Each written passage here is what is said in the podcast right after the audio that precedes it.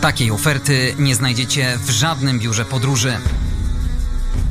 Zabieram Was w niebezpieczną wyprawę dookoła świata. Odwiedzimy miejsca naznaczone historią, konfliktami, terroryzmem czy ludobójstwem. Zapraszam na podcast Jak nie zwiedzać świata. 39 odcinek przed nami. Andrzej Gliniak, dzień dobry. Patroni podcastu Entrak, czyli europejski lider wśród dostawców części do maszyn budowlanych oraz New World Promotions, grupa menedżerska promująca i skupiająca młodych i perspektywicznych zawodników e, sportów walki. Zapraszam do subskrybowania podcastu na Spotify, YouTube i lajkowania strony Jak nie zwiedzać świata na Facebooku.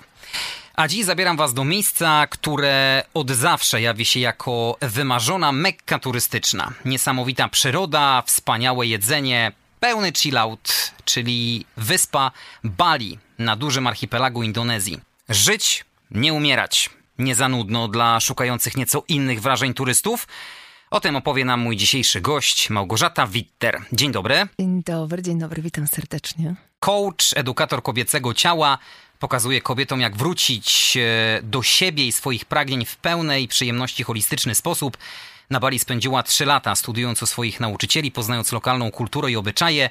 Zjeździła dosłownie całą wyspę, docierając do turystycznych atrakcji, tych ukrytych przed obcokrajowcami sekretnych miejsc. Chciałbym, Małgorzata, żebyś dziś pokazała nam tą krainę miodem i mlekiem płynącą od nieco innej strony. Wszystko się zgadza, co powiedziałeś, dokładnie tak było. Poznałam tą wyspę e, naprawdę na różnych płaszczyznach. Uciekałam od tych turystycznych, więc szukałam tego, co jest poza utartymi szlakami dostępnymi dla ludzi z zewnątrz, znaczy turystów właściwie. Co było dla ciebie największym magnesem, żeby odwiedzić to miejsce?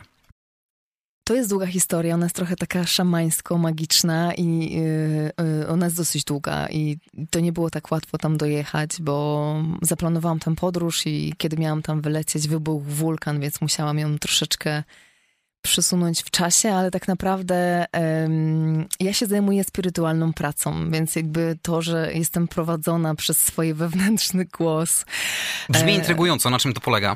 No właśnie, to jest, e, musielibyśmy sobie tutaj wejść w moją pracę, w to, co ja robię, jak pomagam kobietom wrócić do ich, do jej, do, właściwie bo pracuję z kobietami, pozwalam, pomagam im wrócić do ich intuicji, więc ta intuicja zaczyna cię prowadzić i wiesz, gdzie, że gdzieś masz pojechać wiesz, że gdzieś masz być w jakimś miejscu.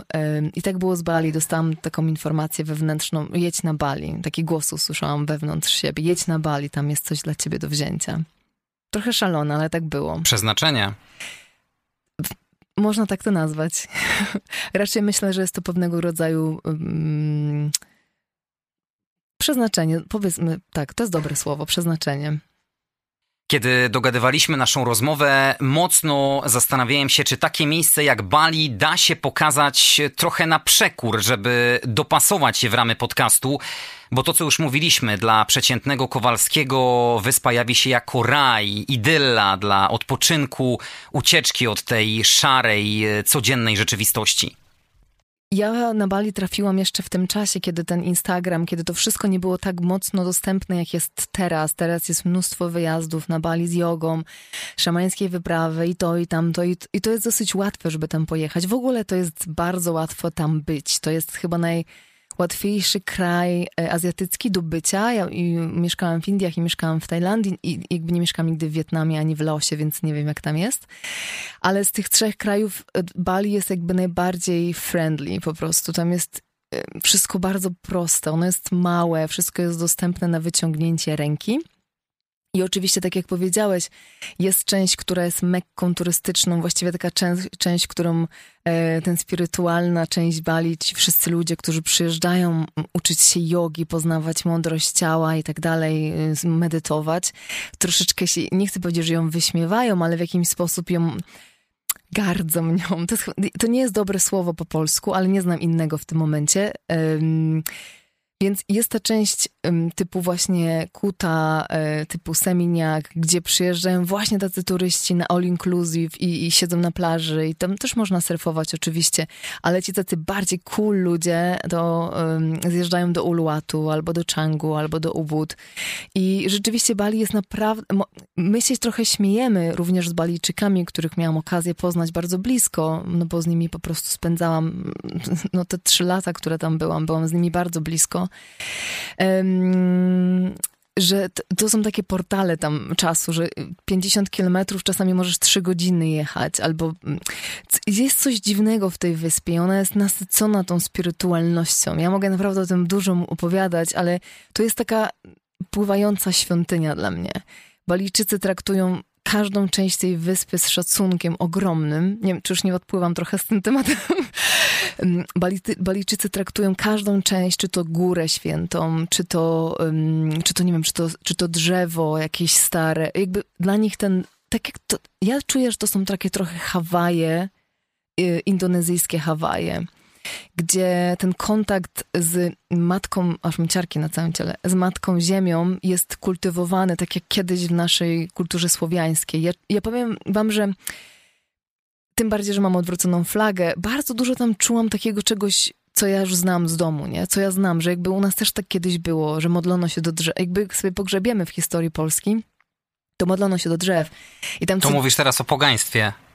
Poga pogańsk, tak, tak, tak, tak, tak, tak, tak. Staroludowe wierzenia.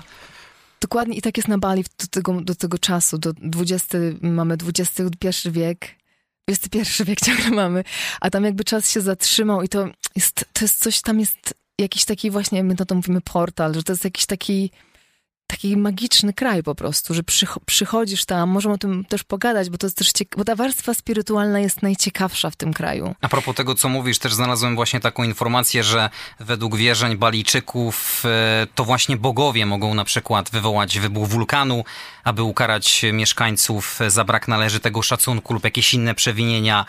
E, z drugiej strony wierzą, że jakieś urodzajne, żyzne gleby powstają w wyniku tych kataklizmów, dają fiteplony, też są darem od bogów. Och, wow, to kolejny piękny temat wprowadziłeś. E, powiem ci tak, myślę, że m, tak jak cały świat, ym, na naszych oczach Bali zmienia się i y, miałam to szczęście poznania tego jeszcze takiego schyłu. Ja nie wiem jak teraz jest, bo tam nie byłam dwa lata. W czasie pandemii mieszkałam w Tajlandii. E, między innymi właśnie nie, nie zdążyliśmy dojechać na Bali, kiedy granice zostały odcięte, wrócić do domu, do swoich rzeczy, do swoich przyjaciół. Ale mieliśmy taką szansę poznania jeszcze tego starego Bali, gdzie ludzie nacechowani są niesamowitą gościnnością i. Ym, i oczywiście ten świat zachodu, nie chcę powiedzieć, że ich zepsuł, ale coś w tym jest, że oni stali się bardzo pazerni, bardzo taki pozes. Oni po prostu pragną tych pieniędzy od tych białych turystów. I rzeczywiście masz rację, jest tak, że wierzą, y, y, że robiąc ceremonię czy składając ofiarę, mogą sobie wymodlić, nie wiem, pieniądze, mogą sobie wymodlić żonę, mogą sobie wym... jakby mm, dla nich jest to bardzo ważne, tak? To, te, te, te, tak jak na Hawajach, te duchy y, land, mm, duchy kontynentu są bardzo ważne dla tych ludzi. I tak jak mówisz, są tam święte góry, mogę wam opowiedzieć, ale nie wiem, na ile będziemy mieli czasu na to wszystko. E, wodospady są święte, chodzi się tam robić ceremonię oczyszczania, góry są święte. Mm, na, mm, na Bali cały czas to może być taki smaczek dla was. Na Bali cały czas składa się zwierzęta w ofierze. Po prostu zabija się zwierzęta i w zależności dla jakiego Boga mm, zabija się kurczaki. Krowa to jest najbardziej luksusowe zwierzę i, i jest też taka ceremonia, z tego, no nie widziałam tego nigdy. Prawda jest taka, że biali ludzie nie do końca mają dostęp do tych naprawdę sekretnych rzeczy, bo oni nas nie traktują poważnie jako kogoś, kto tak samo jak w Indiach, nie masz dostępu do niektórych miejsc, chyba że cię jakaś balijska rodzina zaprosi. Ja miałam taką o, szansę mieszkać z Balijczykami, mm, mm, bo tam też musimy zrozumieć, to jest w ogóle bardzo, to jest ciekawe miejsce. Ja mieszkałam z in, takim inteligencją balijską, bo jest oczywiście też tak, tak rolnicy, oni troszeczkę inaczej funkcjonują. Ja mieszkałam z architektami, i, no i oni mi pomagają, na przykład, nie wiem, pójść na ceremonię, ubrać się. I to specjalny sposób ubierania się, żeby cię traktowali poważnie w świątyni. I, mm, i stąd też dowiedziałam się o składaniu tych ofiar właśnie w postaci zwierząt. No tego nie mówi się turystom, a my idziemy, zabijamy krowę. Jest taka cała ceremonia, gdzie wchodzi się procesją na górę Agung i tam wrzuca się do wulkanu, właśnie za, zabija się krowę, oddając cześć Bogowi, właśnie żeby on się nie wkurzył i żeby ten wulkan nie wybuchł. Nie? To, jest, to, jest, to jest tak inny świat, naprawdę to jest inna planeta. O ile blisko 90% ludności Indonezji, do której należy Bali, to muzułmanie, o tyle sama wyspa Bali jest hinduska, z religią, którą nazywają balijskim hinduizmem, z dużymi wpływami buddyzmu. To się w jakiś sposób gryzie? Yy, powiem tak, ja już nie wiem, co jest prawdą. ja już nie wiem, co jest prawdą, jak powstało Bali, skąd to się wzięło. Bo Balijczycy mają swoją stronę medalu, w Wikipedii jest coś innego napisanego i tak naprawdę E, jest cała historia o tym, że tam przybył jakiś Shiva jednej, w jednej, w jednych z podań, e, założył, tam przypłynął jakiś Bóg i tam założył ten cały... Jakby ja nie wiem, co jest prawdą, więc nie wiem, jaką historię mogę opowiedzieć.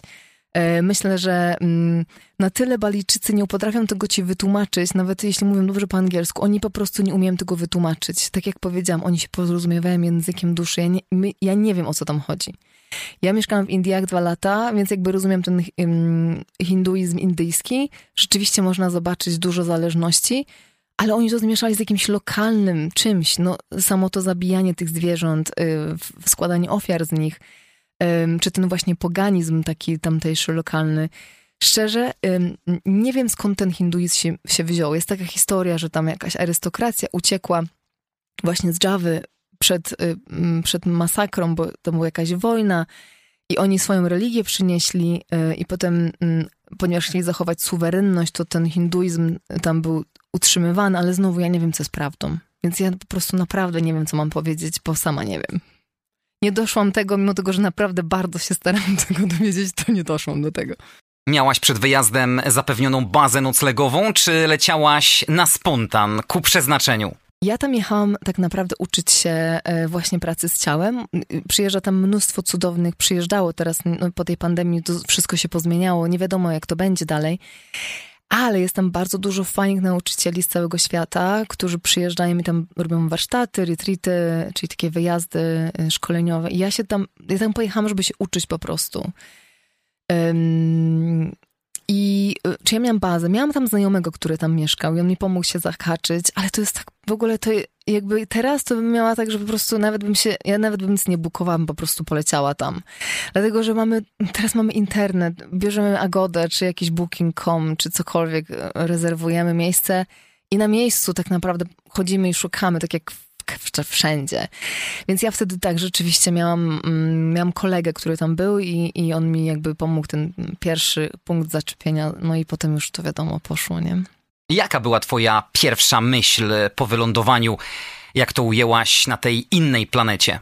Ja mam taki film na YouTubie e, na Bali i idę i mówię, Boże, jak tu pięknie pachnie, Boże, jak tu pięknie pachnie. To było moje pierwsze wrażenie na Bali, że tam po prostu pięknie, ja mam ciarki na całym ciele tam po prostu pięknie pachnie. I to jest takie kobiece odbieranie świata, ale tam naprawdę pięknie pachnie. I, mm, i też czuję, że Balijczycy, bo musimy zrozumieć, że wszystkich tych takich mekkach turystycznych jest mnóstwo ekspatów. To nie jest tak, że ja tam jadę i jestem odcięta od kultury zachodu. No nie. Jest, no jakby tam są ludzie i z Australii, bardzo dużo Australijczyków. I ze Stanów, i z Europy, i no jakby. Z Chin z Chin ich mniej spotykałam, bo znowu oni mieli inne swoje ścieżki. My mamy, tam każdy ma inną ścieżkę, którą się porusza. Um, I czuję, że tam na Bali rzeczywiście ekspaci mieszają się z lokalnymi ludźmi. Co to ja... jest niesamowite, że populacja Bali według danych statystycznych wynosi 4 miliony, a turystów rocznie przyjeżdża tam 5 milionów, czyli więcej niż yy, mieszkańców. I do tego wszystkiego jeszcze są tam ekspaci, którzy żyją tam na co dzień, mają tam swoje ziemie, mają tam swoje domy. Ponad 80% gospodarki Bali zawdzięcza turystyce. To jest absolutnie kluczowa gałąź dla funkcjonowania tej wyspy. Jest tam pewnego rodzaju problem, który właśnie się teraz, przed moim wyjazdem, on był bardzo mocno nakreślony, więc ja wiem, że ty lubisz takie mięsne smaczki, to powiem ci o dwóch. Po pierwsze, Bali zaczyna, na Bali zaczyna brakować wody. I to jest ogromny, to będzie ich ogromny problem w przyszłości. Z moim ówczesnym partnerem, pamiętam, on się bardzo interesował właśnie tymi tematami, no takimi problemami geologicznymi w dane, danych obszarach e, w danym kraju. I pamiętam, że opowiadał mi właśnie o tym, że e, na pamiętam też, jak byliśmy wtedy na, pół... na północy Bali, to już były powysychane te wszystkie rzeki i te wodospady. I wiem, że oczywiście w hotelach dla turystów tego nie odczujesz, że nie brakuje wody, ale wiem, że część Bali... Balijczyków, zwłaszcza z północy, im zaczyna brakować wody w okresie suchym, bo w Azji jest tak, że jest mokry i suchy sezon Tajlandii jest podobnie, chociaż w tym roku bardzo dużo badało w Tajlandii, to tak, taka ciekawostka. Więc to jest jedna rzecz, że tam za chwilę będzie brakowało wody i to będzie poważna tragedia dla tej wyspy. Um, oni przyjmują tych turystów za dużo, moim zdaniem. I też um, oni teraz słyszałam, że podnieśli ceny. Myślę, że to jest dobrze, bo będzie przyjeżdżało mniej ludzi, dlatego że ta eksploracja tego, tego lądu, tego lądu jest tak duża, że ten, ta wyspa po prostu um, będzie miała ogromny problem. Więc woda. Drugi problem jest taki, że oni pod właśnie tych turystów, ponieważ mm, Balijczycy rolnicy nie są wykształceni. I tak jak kiedyś w, mm, w, Polsce, no, czy w innych krajach, gdzie rolnicy stawali się biznesmenami, oni nie myśleli długofalowo. To się zmieniło u nas w Polsce, już teraz jest totalnie fajnie i ludzie myślą długofalowo, jak ochronić środowisko, ale na Bali jest tak, przynosi ci... Y, turysta z zachodu kasę, dużo pieniędzy, dużo, dużo przynosi ci, y, oni tam mają miliony rupii to znaczy, że będziesz teraz miał dużo pieniędzy i oni je wydają od razu i wycinają pola ryżowe. Ci rolnicy sprzedają swoje pola ryżowe pod budowę właśnie tych domów dla, tu, dla turystów. I tak jak mówię, ponieważ jak zaczynają sprzedawać pola ryżowe, to nie mogą go uprawiać, więc jak turystów teraz nie było, i tam naprawdę głodowali. To była tragedia. W czasie COVID-u to była tragedia. Pamiętam, że mój kierowca, z którym pracuję tam, on czasami do mnie pisał, słuchaj, wiesz co, czy możesz mi wysłać jakieś pieniądze, bo miałam czym nakarmić rodziny, nie? To, było, to była tragedia. Tak, oni żyją głównie teraz z turystyki. I, yy, I myślę, że ten COVID dał im prawdopodobnie dużo do myślenia o tym, co dalej z tym krajem, nie? Że może tak nie trzeba tego, bo oni generalnie też mogą żyć z eksportu, ze sprzedaży tego ryżu i też uprawiałam tam trochę herbaty, ale niedużo i kawy, one więc bardziej na Jawie, na jawie, jawie, po polsku jawa. E, tak, no oni głównie żyli ze sprzedaży ryżu, tak? A teraz, e, ponieważ jest tych pól coraz mniej, no, no to tutaj jest, naprawdę to jest ogromny problem. Jeszcze szczerze, ja powiem wam, że fajnie jak jedziesz na dwa tygodnie zabawy w hotelu jakimś pięknym, jest ich mnóstwo cudownych na polu ryżowym, ale jak żyjesz tam i widzisz tą degradację środowiska, to chce ci się po prostu płakać. Widzisz, jak jest eksplo, eksploatowany ten ląd jak jest wysysana z niego każda kropla. Mm, to jest poważny problem na Bali. Zachód Bali jest jeszcze dziki na szczęście.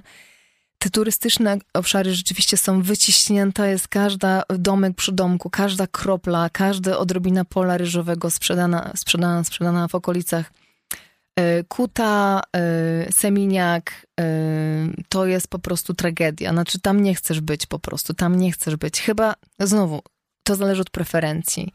Jak ktoś chce leżeć z piwem przy basenie, to jest super miejsce, ale jeśli chcesz poczuć tą kulturę, no to wtedy ja myślę, że tak już sobie tutaj sama nawiguję tę rozmowę, to wtedy jak chcesz poczuć kulturę, to wtedy myślę, że udanie się w okolice Ubud, gdzie jeszcze gdzie jeszcze jest zachowana ta tradycja, gdzie jeszcze możesz pójść do świątyni, która jest oczywiście przeładowana turystami, którzy nie mają zielonego pojęcia, co tam robią, bardzo chętnie ci opowiem też o... Mm, Ważne, że dobre zdjęcia wychodzą. Piękne.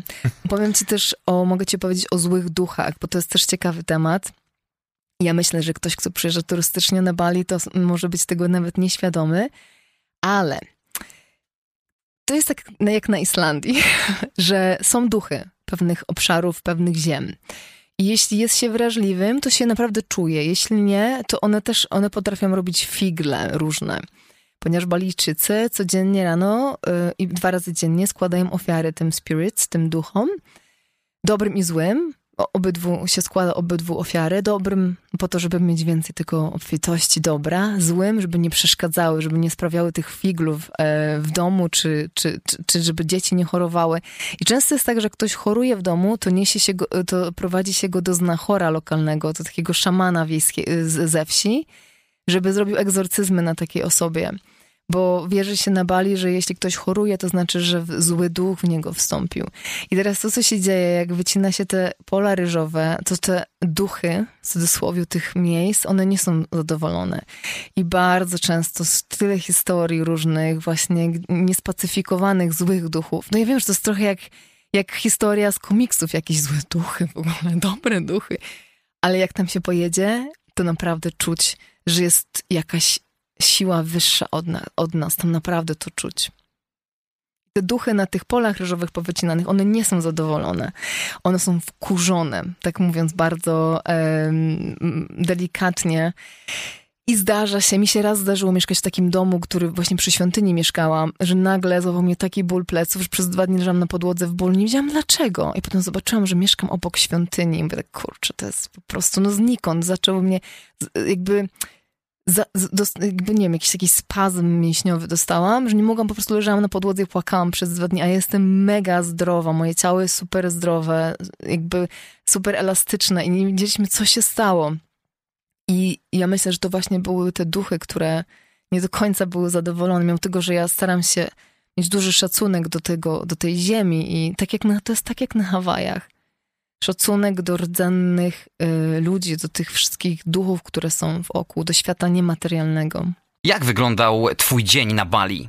E, ja tam nie pracowałam, ja tam się, ja tam się szkoliłam po prostu.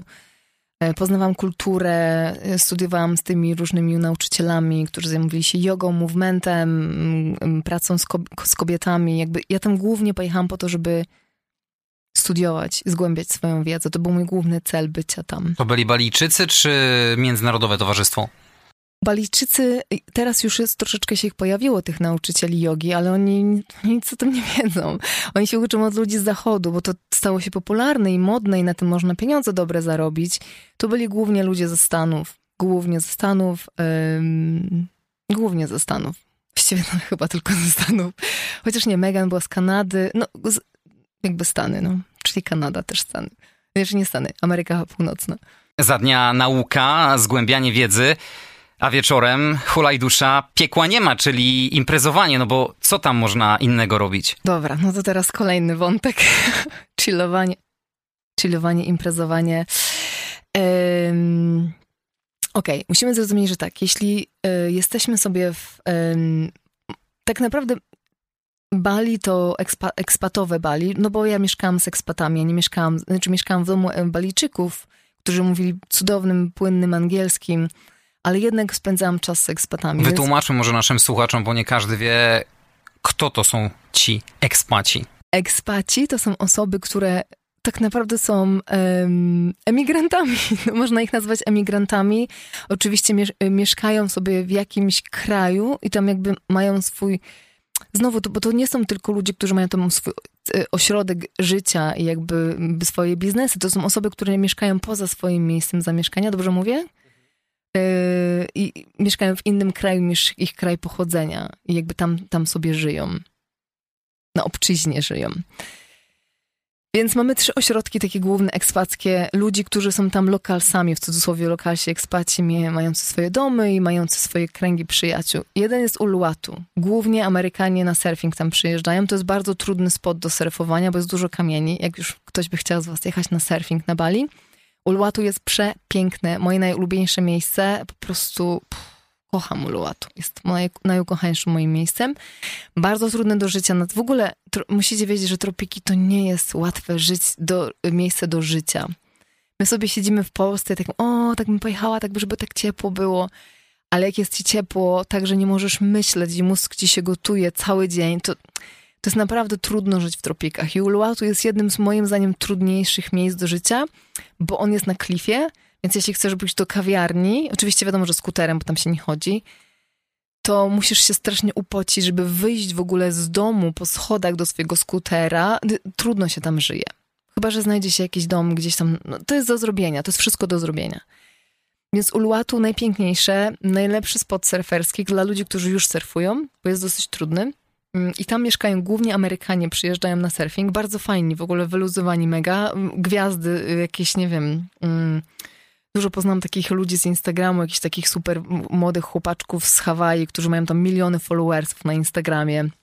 I tam przyjeżdżają, są super fajni i jest do nich fajny, łatwy dostęp i można sobie z nimi pogadać. Potem mamy, um, nie będę mówić o Kucie i Yoseminiak, bo to jest jakby taki dział może dla turystów. E, mamy też Sanur, ale znowu do, mamy też, ja mówię o tych trzech głównych, na których głównych, takich powiedzmy, że głównych. Potem jest Changu. Changu to jest taki, y, takie, ja lubię bardzo Changu, bo tam jest taka bardzo żywa energia takiego australijskiego cool miasteczka, gdzie jest chłopaki chodzą na gym, do, do, na siłownię, pływają na surfingu, spoty są bardzo łatwe. E, dużo instagramerek tam mieszka, czyli dziewczyn, które przyjeżdżają robić content na Bali, no bo wiadomo, że teraz już to jest praca dla tych dziewczyn, dla dużej ilości z nich. I trzecim ośrodkiem jest Ubud, gdzie ludzie od jogi. Myślę, zawsze oni są wyśmiewani, że tu tam siedzą w ogóle ludzie od jogi i oni chodzą spać z kurami. Ale kury chodzą spać o 6.30. Więc tak naprawdę w Ubud nie chodzi się na imprezy, chodzi się rano na jogę, chodzi się spać. Ja tam głównie mieszkałam. W Changu są imprezy, tam jest dużo fajnych imprez i tam rzeczywiście z surferami można, tam jest super imprezy są. I kiedy mieszkałam w Changu, no to rzeczywiście chodziłam na imprezy. No i Uluwatu, Uluwatu jest w ogóle poza całym systemem, tam oni robią co chcą. Tam nie ma jakiejś imprez, tam się surfuje. Po prostu. Surfuje się, pije się kawę, idzie się surfować, pije się kawę, je się dobry lunch, wielkiego burgera, idzie się surfować. Więc tak wygląda imprezowanie. Więc jeśli pytasz mnie o imprezowanie, no to w Changu rzeczywiście te imprezy, powiem wam, że to były naj... Znaczy, ach, ja pamiętam, że nie czułam nigdy... Ja, jak przyjechałam na Bali, poszłam na pierwszą imprezę w Changu, gdzie masz bryzę z oceanu, czy masz DJ-a, który gra ci na, na, nad oceanem. Mm, pięknych ludzi, tam są przepiękni ludzie w tym Changu, przepiękni. Wszyscy mają piękne ciała, są pięknie ubrani, wyglądają po prostu no jak z Instagramu. Wszyscy. No to te imprezy były bardzo niesamowite, naprawdę były niesamowite. Absolutnie to jest piękne miejsce do lansowania, ale też do nasycenia się, myślę, takim pięknem po prostu życia. To jest taka, bo musimy zrozumieć, że to nie jest taka hip, lanserka, taka tania, to jest taki, taki hipster lans. E, znowu, nie wiem jak jest teraz, bo nie mam dwa lata, ale wydaje mi się, że jest ciągle tak samo. Piękne domy, po prostu takie, że wchodzisz i masz taki wow. Wow. I mm, ten cały, ten cały environment, ten, ten cały, mm, mm, to co dzieje się dookoła, jest te piękne kawiarnie, one są dostosowane właśnie do tych turystów z Australii. Do takiego Byron Bay, gdzie ma się te piękne takie, no jakby tam wszystko jest piękne, tam po prostu jest pięknie. Ale jest bardzo crowded, czyli jest ogromny tłum w Czanku. Tam jest ogromny tłum. Więc jeśli chcę się bardziej mieszkać w dziczy, na polu ryżowym, spokojnie, z dala od tłumów, z dala od y, traffics, od korków, od korków. Od tłumów. Od takich, no po prostu takiego Zgiełku, gwaru, harmidru. Dokładnie. Pip, cały czas pipczą te, te, te mm, skuterki. Jeśli chce się z dala od tego mieszkać, no to Ubud, nie? No i więc jakby w, ostatnim czasie, jak tam mieszkałam, mieszkałam w Ubud właśnie, gdzie był spokój. Yy, bardziej taki właśnie yy, fokus na to, żeby pracować ze swoim ciałem, ze swoim umysłem wszechobecna komercja, lans. Można tam w ogóle znaleźć miejsca nieskażone masową turystyką? No i teraz co ja mam powiedzieć? Mam zdradzić te miejsca? No pewnie. Takie, Tyle lat tam byłaś. Opowiadaj. Takie, jest dużo takich miejsc. Jak się, no, ja myślę, że tak, po pierwsze samemu się nie trafić do tych miejsc, bo to jest bardzo trudno znaleźć. Jeśli ktoś z was chciałby znaleźć takie miejsca, to ja się polecam zaprzyjaźnić z jakimś lokalnym kierowcą i oni naprawdę, jak poczują, w tobie, bo jakby musimy zrozumieć, że ci ludzie porozumiewają się językiem duszy. Ja wiem, że to jest znowu trochę takie bajkosnucie, ale jeśli oni poczują w tobie, że jest w tobie głębia i mogą cię zabrać do swoich sekretnych świątyń, to wygrałeś na los na loterii. Dlatego, że Niektóre z tym, na przykład jest taka piękna świątynia, nie mam zielonego pojęcia jak się ona nazywa, nie wiem jak tam do niej dojechać, ale jest taka niesamowita świątynia w wodospadach, gdzie no tak z ulicy nie wejdziesz, bo musisz wiedzieć jak się w niej nawet zachować. Jest cała jest cała, mm, jak to się mówi po polsku, taka struktura tego, jak wchodzisz, gdzie kadzidło zapalasz, gdzie idziesz się modlić, tu trzy łyki wody stąd, tutaj na głowę trzy razy. Więc mm, ja polecam zaprzyjaźnić się z lokalnym, z lokalnym przewodnikiem i, i poprosić go, żeby zabrał nas w te, w te rejony niedostępne. Ale znowu, te dostępne rejony są kosmicznie piękne. Ja, ja bym, te, te, trzy miejsca, o których powiedziałam, one są naprawdę fajne. Jeśli jesteś, nie wiem, młodym człowiekiem w naszym wieku, który chce poznać właśnie cool, że to, bo to nie jest kiczowate, to nie jest takie to, jest, to są, w ogóle to są cudowne miejsca, jak pojedziecie nawet do tych trzech miejsc, do tych trzech miasteczek, będziecie zaspokojeni, będziecie czuć się nasyceni tym, jakby każdą stroną tego Bali w takim skrócie tych trzech różnych miejsc. Ale jeśli chcecie pojechać, no w ogóle polecam wypożyczyć skuter i po prostu zacząć jeździć po tej wyspie. Wypytać się lokalsów, gdzie pojechać, gdzie jest fajnie. Są piękne wodospady na północy, Les Waterfall, y, które są znowu bardzo... Musimy też wiedzieć, że jeśli będziecie iść do sekretnych miejsc, to trzeba naprawdę darzyć się ogromnym szacunkiem i wdzięcznością, że zostaliście tam zaproszeni. Bo ten ląd jest naprawdę święty i poczujecie to, jak tam pojedziecie. Można na przykład, o to jest fajna atrakcja, chociaż ona jest bardzo turystyczna. Można wejść na wschód słońca na Batur, y, y, idzie się w nocy i wchodzi się na, na, na, szczyt wulkanu. To jest niesamowite przeżycie, tak jak no, tak samo w, na Hawajach można zrobić. Także jeśli chodzi o te nie, nieturystyczne miejsca, no to na przykład jak surfujecie, to najlepiej zaprzyjaźnić się z jakimiś lokalsami, surf, surferami, nawet takimi Australijczykami. Mogą was do Balian zabrać, tam jest mniej turystycznie, ale znowu mniej turystycznie to znaczy mniej wygód. Musicie też wiedzieć, że turystycznych miejscach macie najlepsze jedzenie świata po prostu. Tam jest najlepsze jedzenie świata i każdy o tym mówi. Ale nie balijskie.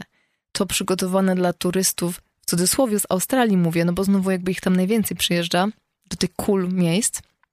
Więc jak będziecie w miejscach, które nie są dla turystów, to tam już nie jest pięknie. Tam, jest, tam są spartańskie warunki.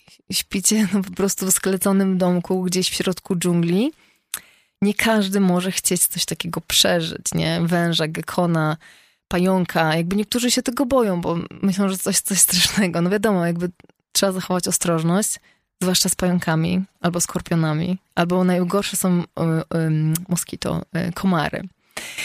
Więc ja myślę, że Bali oferuje wszystko i też tak naprawdę ja bym się otworzyła, znowu to trochę będzie bajkopisanie takie duchowe, no ale to jestem ja. Ja bym lądując na tej ziemi, ja bym się otworzyła i po prostu poprosiła o prowadzenie tego, co jest ci potrzebne. Tylko otwórz się, że możesz dostać coś, co nie będzie pozytywne. Bo ta wyspa naprawdę cię prowadzi. Znowu mam ciarki na ciele. Ona po prostu jest magiczna. Zahaczyłaś o tematy kulinarne. Istnieje coś takiego jak kuchnia balijska? No, jeśli chodzi o tradycyjne balijskie potrawy, to oni mają tak naprawdę tą kuchnię indonezyjską i ja szczerze bardzo nie lubię kuchni na Bali, bo udało mi się odwiedzić, po pierwsze jadłam na Bali u, u kobiety muzułmanki z, z jakby z sąsiedniej wyspy, która, no bo mm, czy my, może wrócimy do, do początku. Bali jest częścią Indonezji, tak? Czyli mamy Indonezję, Bali zostało włączone do, do Indonezji, ale kultura na Bali nie jest taka jak w reszcie tego kraju indonezyjskiego.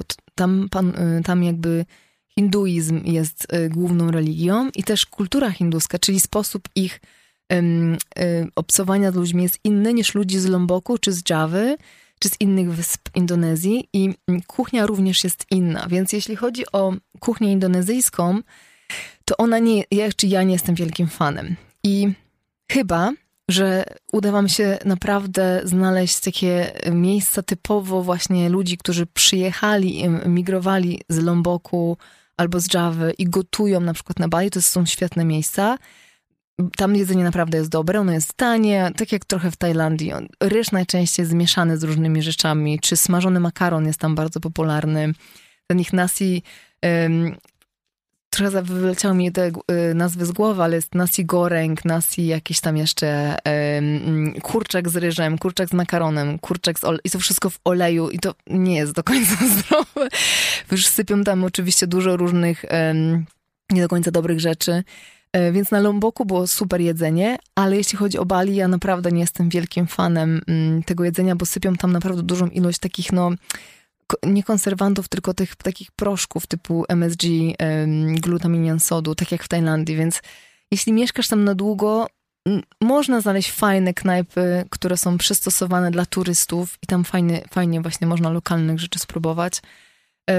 Ja nie jestem wielkim fanem balijskiego jedzenia. Moja najmniej ulubiona kuchnia, ale tak jak powiedziałam, jest tam ogrom wyboru jedzenia, typu, nie wiem, jakiś smoothie bowl, takiego a, a, teraz modnego, wegetariańskiego, czy właśnie tak pięknie przygotowanego w jakichś bowlach. Jest też oczywiście mięso, ale tak jakby europejskie jedzenie, ono jest tam wybitnie dobre. Musimy też powiedzieć o tych najciemniejszych kartach w historii wyspy, które związane są z zamachami terrorystycznymi, o których usłyszał cały świat. Rok 2002 i 2005 w popularnych kurortach turystycznych łącznie zginęło ponad 200 osób i blisko 400 zostało rannych. Jedną z ofiar była polska dziennikarka Beata Pawlak. Za tymi aktami terroru stała Jamma Islamia, to jest e, fundamentalistyczna islamska organizacja, która prowadzi walkę w imię utworzenia supermocarstwa w południowej Azji, taki regionalny oddział Al-Kaidy to mogło bardzo mocno wpłynąć na zmianę postrzegania Bali jako wyspy, która pod każdym względem jest rajem dla turystów. Tam jest bardzo bezpiecznie i znowu my nie wiemy, co było prawdą, o co chodzi w tym zamachu. I powiem wam, że naprawdę jest bardzo trudno do, dowiedzieć z prawdy. Ja nie wiem, dlaczego ci ludzie nie mogą powiedzieć czegoś wprost, tak jak my Polacy, my wprost mówimy. My nie wiemy, o co chodziło z, tym, z tymi zamachami. Jest tam absolutnie bezpiecznie. Ja nie, nie czułam się tam ani... No może dobra, Niebezpiecznie. Dobra, wejdźmy do tego tematu. Jeśli chodzi o zamachy, myślę, że, że, że na ten moment nie ma się czego tam obawiać. Absolutnie nikt w ogóle nawet sobie tym głowy nie zaprząta tam. Y, wiem, że jakby jest takie pokłosie po tych zamachach, ale nikt na miejscu nawet o nich nie wspomina. Absolutnie, w ogóle to jest temat, nie istnieje. Y, pewnie dlatego, że chcą zatrzeć te ślady, oczywiście, bo jak powiedziałeś, żyją z tego głównie z turystyki. Dla Balijczyków turysta jest święty. Jego nie można ruszyć. I często właśnie z Java przyjeżdżają, mm, nie, znowu nie chcę, żeby było tak, że oto muzułmanie kradną, nie? Ale przyjeżdżają lokalsi z Java i, mm, i niestety bardzo się często zdarza, że są okradane wille. Bardzo. To jakby wszystkie moje, czy wyrywane są telefony nas. To, myślę, że to jest realne zagrożenie na Bali. Ja za skuterem, telefon trzymasz pod siedzeniem, nie trzymasz niczego w rękach, absolutnie, żadnych torebek, niczego. Jest tyle historii moich znajomych, którzy poupadali, po, zostali poprzewracani, powyrywane są telefony, włamy do willi, tak dalej, tak. Myślę, że to jest duży problem teraz na Bali. Zwłaszcza po tym kryzysie, gdzie oni naprawdę nie mieli po prostu czego do garnka włożyć. To nie chodziło o to, że oni sobie y, na iPhone'ach pieniądze zarabiają, tylko oni po prostu nie mieli czym rodziny nakarmić. To jest ogromne ubóstwo, tam jest ogromne ubóstwo. Więc ci ci ludzie z Java przyjeżdżali, przyjeżdżają tam i jakby no, Balijczycy zwalają, że to oni kradną, ale my nie wiemy znowu, jakie tam, tam są naprawdę, tam jest korupcja ogromna w, na, na tym, w tym kraju.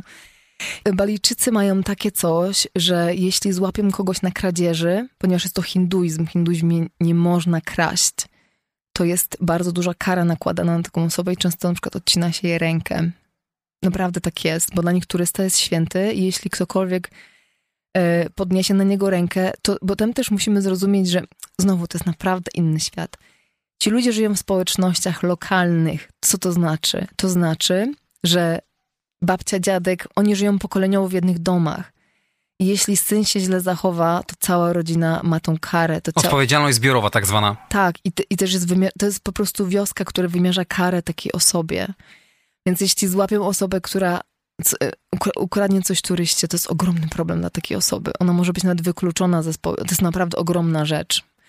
Więc jeśli chodzi o bezpieczeństwo, jest tam bezpiecznie, ale jednocześnie jest ciche przyzwolenie na okradanie willi turystów. Wiesz, no jakby jak ktoś przyjeżdża robić content, ma drony, a laptopy najlepsze, telefon, no jakby no ci ludzie mają mikrofony, to jest naprawdę drogi sprzęt. Więc um, moim zdaniem to jest, dla mnie to jest największy lęk na Bali. To jest ten powód, dla którego nie do końca chciałabym tam mieszkać. Ten lęk, że czy mnie okradną dzisiaj w nocy, nie? Ile razy moich znajomych okradli w czasie, kiedy oni spali na przykład, nie? To jest... I oni, I oni przychodzą z maczetą na przykład do ciebie. No, no to jest tak, no... Obcinają ryż, mają tą maczetę dostępną. To jest moim zdaniem większe zagrożenie niż terroryzm, nie? To, że mogą cię okraść w twojej willi. A można znaleźć jakieś jeszcze negatywne strony tej krainy mlekiem i miodem płynącej? Może ceny dla turystów? Myślę, że ceny na pewno są windowane, zwłaszcza teraz po tej pandemii. Słyszałam, że te ceny domów to po prostu poszybowały tam, ale y, przed pandemią było tam taniej niż w Tajlandii, więc ciągle są to ceny azjatyckie, ale myślę, że one się już zaczęły wyrównywać z tymi z Polski. Myślę, że dla Amerykanów tam jest ciągle mega tanio i dla Australijczyków to jest po prostu śmiech, po prostu te ceny tam. Jeśli chodzi o Polaków, to myślę, że dla nas już to jest taka cena jak w Warszawie w knajpie dania. Także myślę, że to ceny już powolutku zaczynają mm, wyrównywać się z Polską. Tam było rzeczywiście ciut taniej, można było sobie pozwolić na mm, lepsze, takie ekskluzywne bardziej życie. Ale chciałabym też powiedzieć, y, że są tam naprawdę dobre strony tego miejsca, bo oczywiście tutaj robię taką nagonkę na tę kradzież. Dla mnie to jest naj, no, najbardziej trudne do zaakceptowania, że okrada się białych turystów dlatego, że są, mają białą skórę, nie? Że ty masz białą skórę, to znaczy, że masz więcej pieniędzy niż ja, co czasami nie jest prawdą, bo jest ogrom bardzo bogatych Balijczyków, którzy zarabiają takie pieniądze, że możemy po prostu, po prostu tylko siedzieć i mówić, Boże, chciałabym takie pieniądze zarabiać, tak?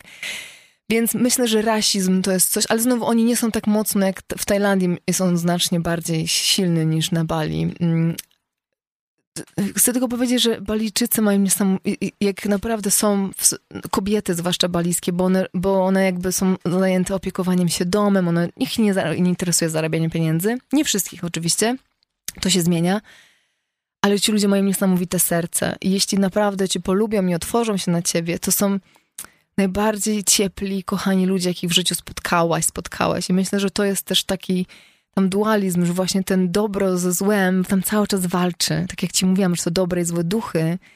Mówisz, że na Bali ciemna i jasna strona są equal, są, równo, są na równi.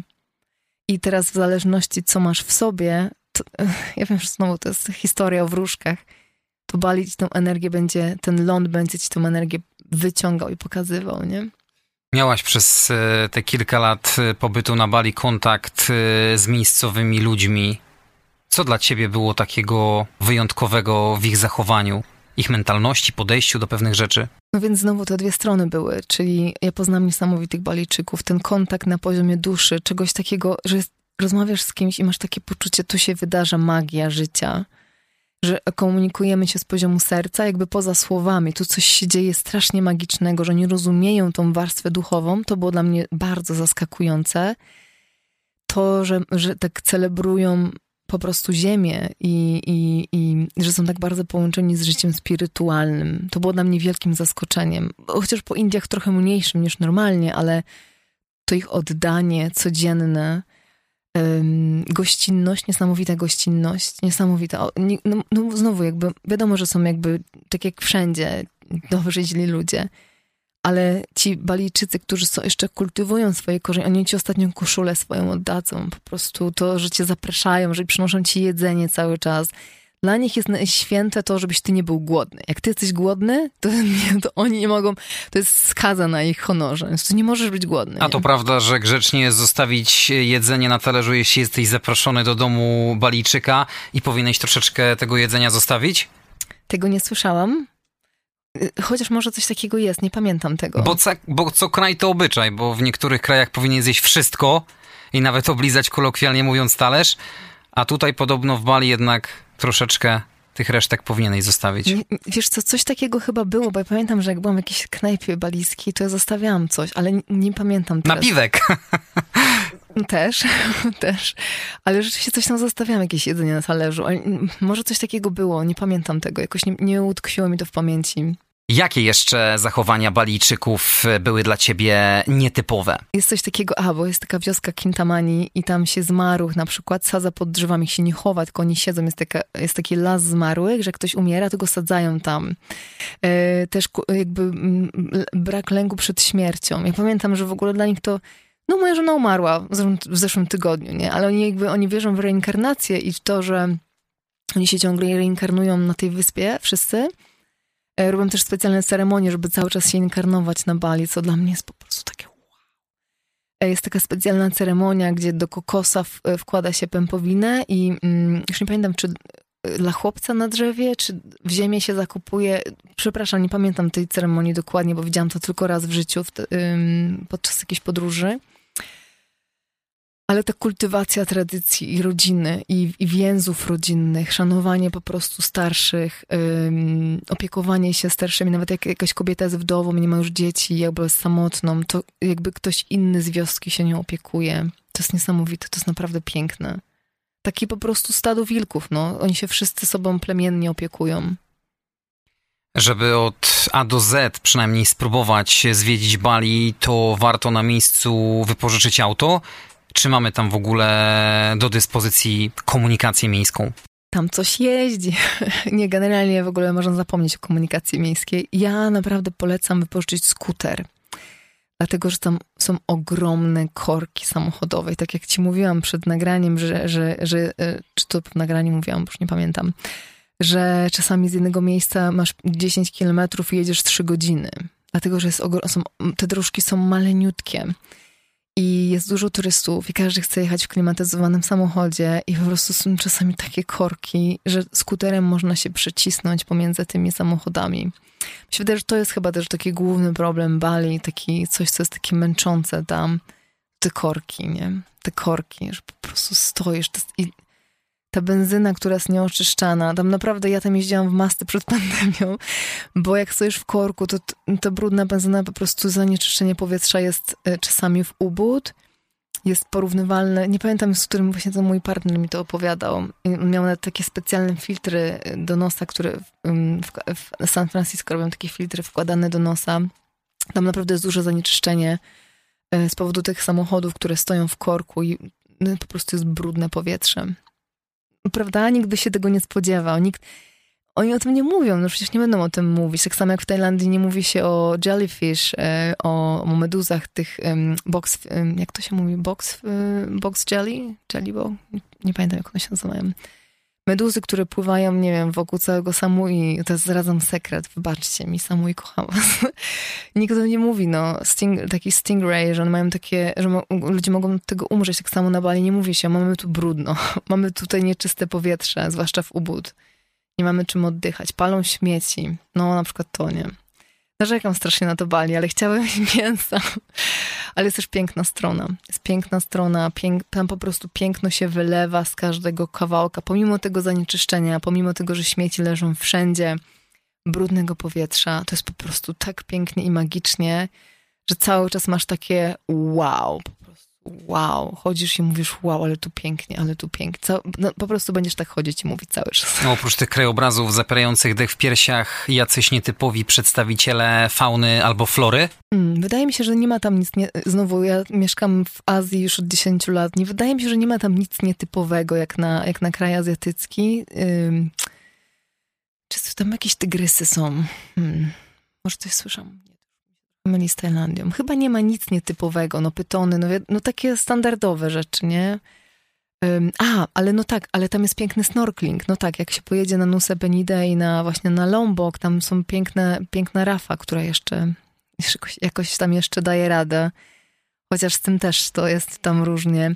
Więc są tam wszystkie te man, manty, manta ray, takie wielkie ryby jak koce pływające, możesz sobie z nimi tam posnorklować. I znowu, no, to jest, no, tam jest tyle turystów, tam jest tyle spalin. Jakby ja myślę, że tam potrzebna, i to się dzieje, bo ludzie jakby z zachodu to robią, tam jest potrzebna ogromna edukacja, jak dbać o ekosystem na Bali. Myślę, że to powinno stać się przyszłością tej wyspy. Jak nie, za, nie zatruwać wody tymi spalinami. Oni śmieci wyrzucają. Tam, tam w, w czasie sezonu deszczowego jest taka tona śmieci na plaży, że po prostu masz takie ble, jak surfujesz z tymi wszystkimi plastikowymi foliówkami. To jest po prostu obrzydliwe. Trzy lata spędzone na rajskiej Bali. Żal było wracać? Boże, nie wiem, czy to raj, ja cały czas narzekam na ten, na ten raj. Pomimo tego wszystkiego, tego brudu, jest tam naprawdę pięknie.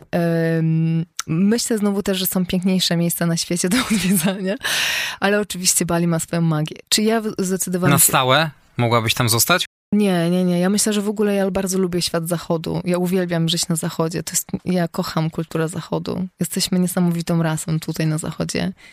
Mamy niesam... Ja powiem wam, że wszyscy moi znajomi, którzy utknęli w czasie pandemii w Azji, czy to na Bali, czy w Tajlandii, wszyscy wróciliśmy do Europy mam takie, jak tu jest cudownie. Ja nie chcę stąd wyjeżdżać. Nasza europejska kultura, taki przekaz chciałabym zostawić na koniec tego podcastu. Nasza europejska kultura ma tak dużo nam do zaoferowania, gdybyśmy tylko to zobaczyli. Ja myślę, że warto wyjechać do innych krajów, właśnie tych biedniejszych, żeby zobaczyć, jaką obfitość my tu mamy. Żeby zobaczyć, jak niesamowitych ludzi mamy w Europie. Czy nie wiem, jakby Stany to też trochę inny, inny kraj, inny, inny też kontynent ale jak my tu niesamowity, jaki mamy zasób naszych przodków, żebyśmy jakby, żeby wyjechać na Bali, wyjechać do Tajlandii, czy do Wietnamu, tak jak miałeś ostatnio podcast, czy gdziekolwiek indziej, po to, żeby docenić to, co mamy tutaj, po to, żeby docenić na, nasz, nasz kraj, nasz ląd. Na, to, to jest niesamowicie. Czy na stałe? Pewnie nie.